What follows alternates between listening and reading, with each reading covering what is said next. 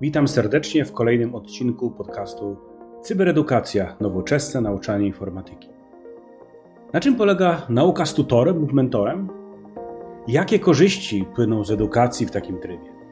Jak powinien wyglądać proces sesji z tutorem? Jakie wyzwania stoją przed nauką w tym trybie? Na te pytania odpowiem podczas dzisiejszego odcinka. Część druga. Cyberedukacja. Nowoczesne nauczanie informatyki. Nazywam się Bogdan Księżopolski i zapraszam do mojego autorskiego podcastu Cyberedukacja. Edukacją informatyki zajmuję się od ponad 20 lat. Obecnie kieruję Katedrą Cyberbezpieczeństwa i Cyberedukacji Polsko-Japońskiej Akademii Technik Komputerowych w Warszawie. Prezentuję najnowsze badania naukowe oraz praktyczne rady dotyczące nauczania informatyki na wszystkich etapach edukacji.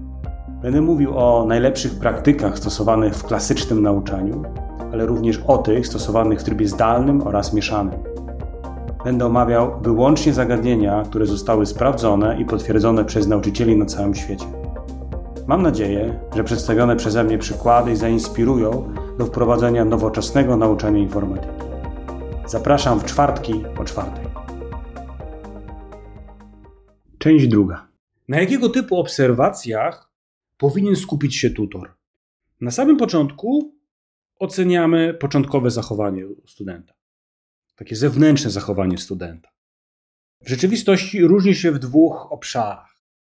Albo może być od cichej, cichej postawy do takiej otwartej, oraz od niepewnej do pewnej siebie. I teraz pytanie jest, czy można znaleźć jaką prawidłowość, w zależności to, bo jak ktoś jest taki otwarty, to znaczy, że jest bardzo dobrze przygotowany, czy, czy odwrotnie.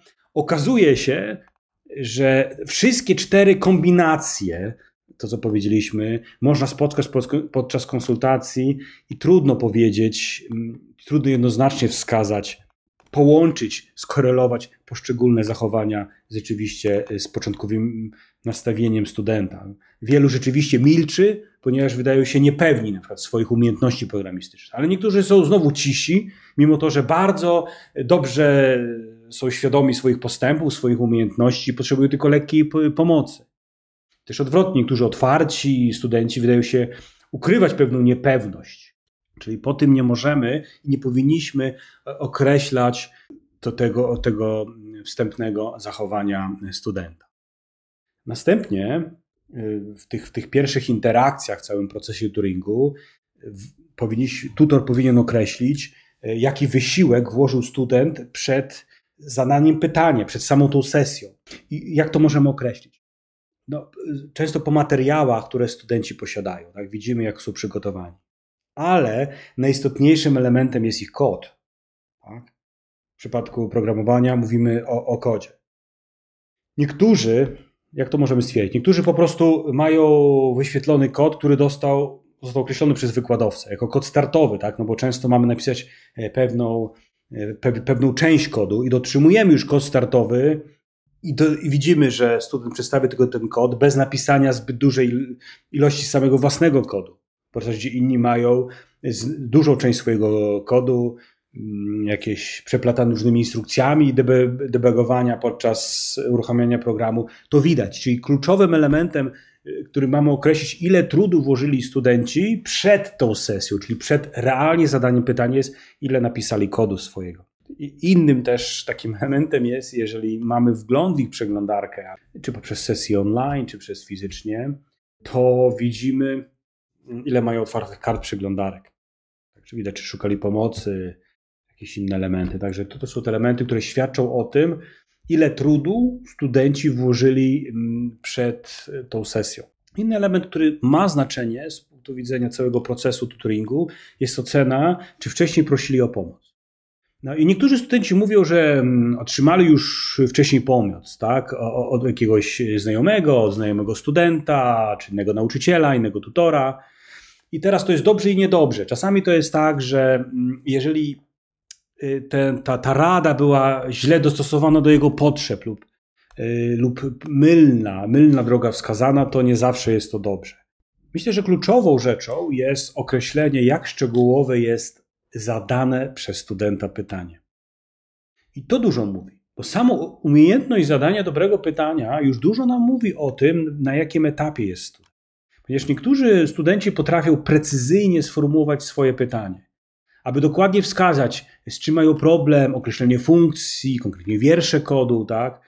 E, nawet jeśli ich początkowe domysły co do właśnie lokalizacji problemu mogą być błędne, to samo precyzyjne określenie pytania dużo nam mówi. Niestety nie inni mają inne podejście, czyli zadają niejasne pytanie. Na przykład, jak mam zacząć? Od czego mam zacząć? Co mam zrobić? No to to jest, już sami wiemy, że na jakim etapie poznawczym przygotowaniu umiejętności jest dany student. Także szczegółowość pytań często zależy właśnie od tego, na jakim etapie zadania programistycznego też aktualnie się znajdują.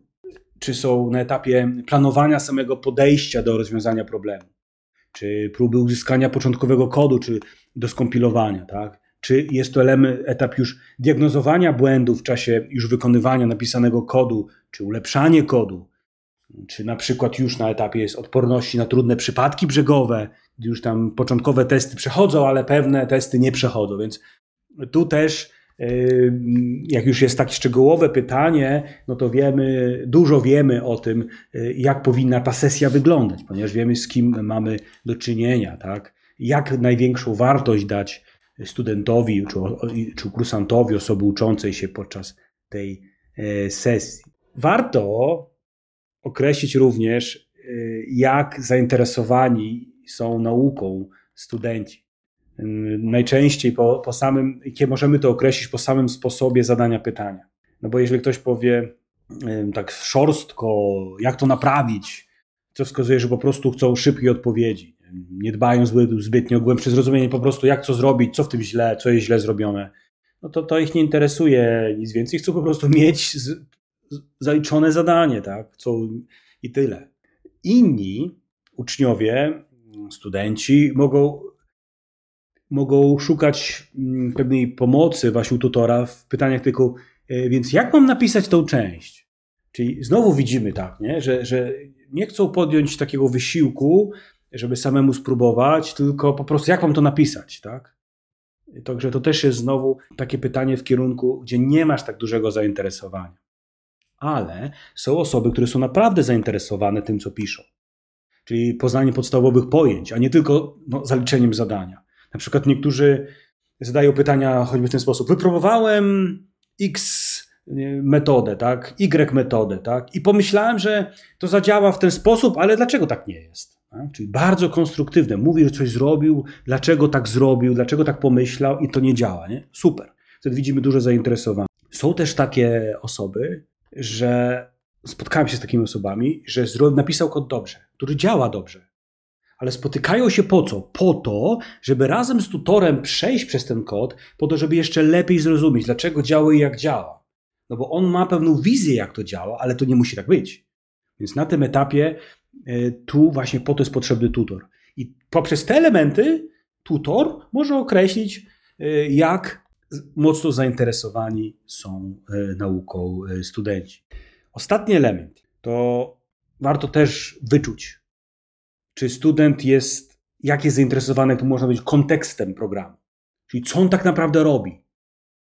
Wiesz, zadania programistyczne na pewnym etapie e, zawierają no, dziesiątki, setki wierszy. Większość z nich to jest kod startowy, dostarczony, tak jak powiedziałem, przez wykładowcę, przez nauczyciela. Posiada szereg wywołań, interfejsu API, nie, które, które jest dostarczone. I niektórzy studenci chcą zrozumieć, w jaki sposób ten kod działa. Te wszystkie elementy, które nie jest elementem zadania, bo tam trzeba do, do, dopisać e, powiedzmy coś, jakiś element, jakąś procedurę, która coś wykonuje i to jest zadaniem, ale w całości to rozwiązuje szerszy problem. E, część studentów chce właśnie dowiedzieć się szerszego kontekstu, po co to jest. Także to jeszcze jest wyższy poziom tak jakby zainteresowania i zaangażowania. Powiedzieliśmy teraz o, zresztą w artykule przedstawiono, w jaki sposób, jakie elementy mogą, mogą określać nam studenta, z kim mamy do czynienia, po to, żeby indywidualnie przygotować podejście dla niego. I na podstawie właśnie tego wnioskujemy, co jest w umyśle studenta, właśnie na podstawie analizy tej diagnozy przy pomocy różnych elementów, które powiedzieliśmy. Tak? Co jest w głowie. I to pomaga nam w przeprowadzeniu w odpowiedni sposób tej sesji. I teraz tak, jednym z głównych właśnie wyzwań, które stoją tutorzy, to jest właśnie zbudować obraz tego, co dzieje się w głowie studenta, jak on to wszystko widzi. Musi, co więcej, często właśnie zrozumieć, jak on widzi problem, który został postawiony, jak zbudował ten kod, jak go zbudował, często wadliwym podejściu i na jakiej podstawie właśnie on buduje to pytania swoje podczas sesji tutoringowej. Jednocześnie tutaj też te wszystkie wcześniejsze y, elementy, o których wspomniałem, pozwolą nam określić jego stan emocjonalny, czyli ma wysokie poczucie własnej skuteczności, umiejętności, wierzy, że jest w stanie rozwiązać, czy, na, czy jest mocno określony, jak to można powiedzieć, na cel, czyli chce po prostu zrobić zadanie tyle, tak? Czy interesuje go jednak bardziej szersze zrozumienie problemu? Czy jest to student taki, poziom z dużą świadomością właśnie swoich postępów, mm, ograniczeniach, umiejętnościach i, i, i tak dalej, czyli taki bardzo świadomy student. Te sesje tutoringowe, mentoringowe nie są prostym zadaniem. W artykule, czy może w literaturze szerzej dotyczące właśnie jak prowadzić takie sesje tutoringowe, można określić pewne dobre praktyki. W tym artykule jasno określone zostały dobre praktyki, na czym powinniśmy się skupić. Po pierwsze, wnioskowanie o tym, co jest w umyśle studenta, ucznia. Jak, jak on widzi ten kod, jak on widzi swój problem, jak on widzi swoje siły, jakim jest on studentem. Następnie musimy mocno regulować emocje samego tutora, czyli musimy dać mu siłę, nie przekazywać swojej swoich nerwów w przypadku trudnego problemu, y, nie przekazywać go y, do osoby uczącej się. Naprawdę on tego nie potrzebuje. Innym elementem, które jest często podkreślane, i to jest duże zadanie ogólnie, jest utrzymanie zaangażowania y, u studentów, osoby uczącej się. Jest ogólnie duże wyzwanie w nauczaniu. Tak? I, I, też przejawia się bardzo w sesji jeden na jeden, gdzie to jest moment, w którym naj, naj, najlepiej zadbać o zaangażowanie studenta, bo jest sesja jeden do jeden, nie mówiąc o klasie tak, czy grupie. I to jest właśnie pytanie otwarte. Jak można zachęcić osoby uczące się, kursantów, studentów do bardziej aktywnego zaangażowania, szanując, pamiętajmy, ograniczenia czasowe tutora podczas takiej sesji. Czyli to jest takie, taki challenge trochę, tak? Na pewno powinniśmy pamiętać o tym, ale jaki jest, jakie jest wyzwanie, jak zachować to zadbać o to zaangażowanie. Kolejny element kluczowy: uczymy, a nie naprawiamy błędów. Z punktu widzenia nauczania, ideałem jest, tak jak mówiliśmy, nauczenie studenta ogólnej wiedzy, którą będzie mógł zastosować w przyszłych problemach, żeby zobaczył pewne schematy, jak rozwiązywać problemy. Niemniej jednak, jak to zrobić w przypadku, gdy uczeń potrzebuje zazwyczaj e, pomoc w naprawieniu jakichś błędów w kodzie i chce iść dalej, tak? chce kontynuować zadanie, mieć z głowy. On nie do końca chce tą wiedzę, przynajmniej tak mu się wydaje. W jaki sposób właśnie nauczyciele, tutorzy mogą pogodzić te dwa konkurencyjne, można powiedzieć, ze sobą podejścia, cele do zrealizowania, tak? jeszcze posiadając ograniczenia czasowe. Kolejne zadanie jest tutaj zachowanie y, kodu studenta. Samo naprawienie kodu jest trudne a jeszcze trudniej naprawić na podstawie kodu studenta, co jednocześnie chcąc zachować jak największą część jego kodu, prawda? bo to nie jest dobre, że wykasujemy, piszemy od nowa. To nie jest dobre naprawdę dla, dla, dla studenta. Pamiętając o tym, że tutor, nauczyciel nie może, nie powinien może przyjmować klawiatury ucznia. I to jest takie zadanie, że na samym początku no właśnie tutor musi napisać w cudzysłowie kod w swojej głowie, zanim zasugeruje dalsze kroki właśnie studentowi, więc to jest duże zadanie dla tutora. I umiejętność uzyskiwania informacji, czytania w czasie rzeczywistym różnych rzeczy, które przekazuje do nas e, kursant, osoba ucząca się, student. Rzadko bardzo student powie bezpośrednio tutorowi, że, on czego, że, jego że jego wyjaśnienia jest niewystarczające, że on czegoś nie rozumie. Niewiele osób tak ma, niewiele studentów się odważy na to. Do tutora należy odczytywanie z wypowiedzi studenta, z jego też również mimiki, a wszystko podczas próby właśnie zdiagnozowania nie, tego procesu, mówiliśmy wcześniej, wyjaśnienia podstawowego problemu. Jak zobaczyć, czy on rozumie, czy nie rozumie. W tym artykule przedstawiono również, i to jest bardzo ciekawe, w jaki sposób możemy usprawnić, pomóc w takich sesjach jeden do jeden, tutoringowych, w ramach właśnie IT, pomocy IT, czy w programowaniu, czy w laboratoryjnych zadaniach. Zostały określone cztery główne rzeczy, które można poprawić. Po pierwsze, łatwa diagnoza problemu. Gdy studenci czekają, czy to jest stacjonarnie kolejce, czy przygotowują się do wysłania pewnego problemu, czy w pewnym czasie pracy samodzielnej nad, nad, problem, nad problemem, mogą wchodzić w interakcję pewien zautomatyzowany system, jakiś chatbot, po to, żeby zawyzić swoje pytanie. Czyli można spróbować zawęzić jego pytania właśnie w taki automatyczny sposób. Dzięki temu, gdy już jest to spotkanie z tutorem, z nauczycielem, student, student właśnie z większym prawdopodobieństwem formuje bardziej precyzyjne i ukierunkowane pytanie. Dzięki temu szybciej może być problem, problem zdiagnozowany. To bardzo pomoże tutorowi. W najlepszym przypadku, i ja z mojej praktyki tak często jest, poprzez takie zadawanie, czyli zawężania pytań, student właściwie samodzielnie odkrywa i rozwiązuje swój problem. Poprzez wypowiedzenie je, poprzez zadanie je tych pytań. Prawda? Czyli łatwa diagnoza problemu. Dalej, zachęcenie do głębszej nauki. Tak jak powiedzieliśmy, w idealnym świecie student wchodzi, wychodzi z sesji z głębszą znajomością właśnie podstawowych zajęć, które może następnie samodzielnie rozwiązywać inne problemy na bazie tego, czego się nauczył.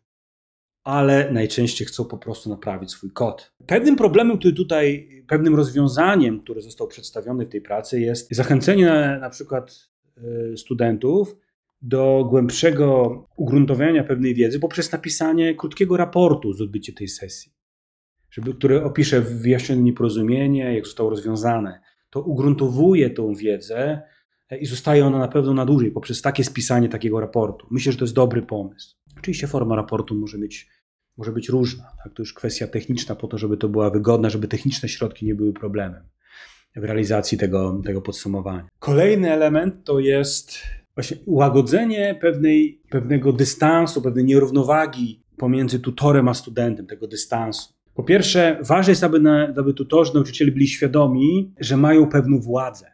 Szczególnie jeżeli to jest nauczyciel, który, który prowadzi pewien przedmiot. Jest wśród pewnych swoich też uprzedzeń, które gdzieś tam ma do, do, do różnych podejść studentów, uczniów, pewnych postaw, czy pewnych czynników różnych społecznych, które właśnie wpływają na stan emocjonalny studenta, gdy proszą o pomoc, też dowiedzieć się, czy, czego mają robić, czego mają nie robić. Bo pamiętajmy, często zapamiętamy, zapominamy o tym, że no jest między nami dystans, tak? I to czują y, szczególnie osoby uczące się. Myślę, pewnym rozwiązaniem, które tu zostało wskazane, jest przygotowanie pewnej takiej listy kontrolnej, takiej checklisty, które pokazuje, w jaki sposób tutorzy powinni podchodzić do studenta, jak powinien wyglądać pewne ramy interakcji. Oczywiście nie, nie wszystko tak precyzyjnie, ale pewne ramy, tak? Dzięki temu to będzie bardziej ustandaryzowane. I to, co jest ważne, nawet to nie chodzi o to, że jest bardziej ustandaryzowane dla tutorów, ale bardziej dla, będzie przewidywalne dla studentów. Student będzie wiedział, jak wygląda ten proces. Czyli nie stworzymy pe pewnych barier, tylko będzie student wiedział, jak to ma wyglądać. Innym elementem, który może usprawnić właśnie to, to, to ten dystans zmniejszyć, czy tak ośmielić studentów do pracy, jest tutoring właśnie online. Za pośrednictwem jakiegoś, czy, czy tak, czat tekstowy w jakimś IDE, czy innych e, narzędzi komunikacji synchronicznej, asynchronicznej, po to, żeby, mm, żeby się bardziej onieśmielili. Tak? Online pozwala to. To nie zawsze jest minus, może być tutaj właśnie plusem, że to będzie lepiej niż w przypadku, gdyby fizycznie byli obok z nauczycielem lub nawet byli na spotkaniu online. Nawet wskazano tutaj, żeby był pewien kanał pomocy anonimowej, bo pewnego pytania studenci nie zadadzą, ale przez to, że są anonimowi, to zadadzą, czyli zmniejszą pewną barierę właśnie między tutorem a studentem, poprzez to pozwoli mu to zadać pewne pytania. Tu o tym warto pamiętać mm, i pewne metody właśnie techniczne pozwalają zmniejszyć tą barierę po to, żeby student zadał pewne. I ostatni element, który tutaj mówimy, to szkolenie początkujących tutorów. Tutoring jest czymś specyficznym. To nie są zwykłe lekcje. To nie są takie lekcje, które klasycznie widzimy. Edukacja jeden na jeden, jeszcze w IT, jest to są specjalne umiejętności. I powinniśmy szkolić tutorów wraz ze wzrostem liczebności grup, ponieważ mamy takie duże dzisiaj zapotrzebowanie na specjalistów w IT i potrzebujemy dużą liczbę tutorów, którzy będą pomagali w trudnych sytuacjach, bo specjaliści, wykładowcy, nauczyciele, najwyżsi specjaliści nie będą mieli na to tyle czasu. jakimś jednym z metod, który został tutaj właśnie wskazany dla początkujących tutorów jest właśnie powiązanie ich z bardziej doświadczonymi tutorami. Niech popatrzą, jak takie sesje się odbywają.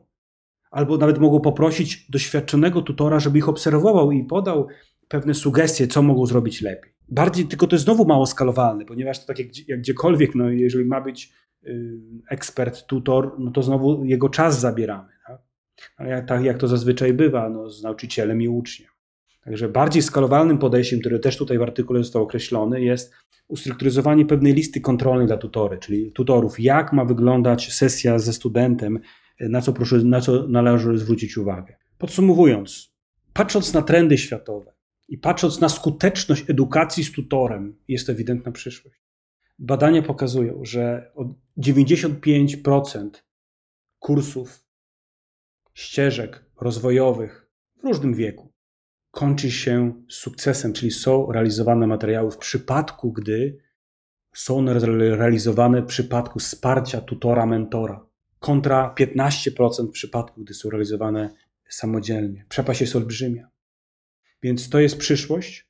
Warto pamiętać natomiast na jaki sposób takie sesje prowadzić, jakie są najlepsze praktyki i warto zadbać o, o to, żeby wspomóc tutorów w całym tym procesie e, prowadzenia tego typu edukacji. Dziękuję za uwagę i już dzisiaj zapraszam na kolejny odcinek podcastu Cyberedukacja w czwartek o czwartej. Do usłyszenia.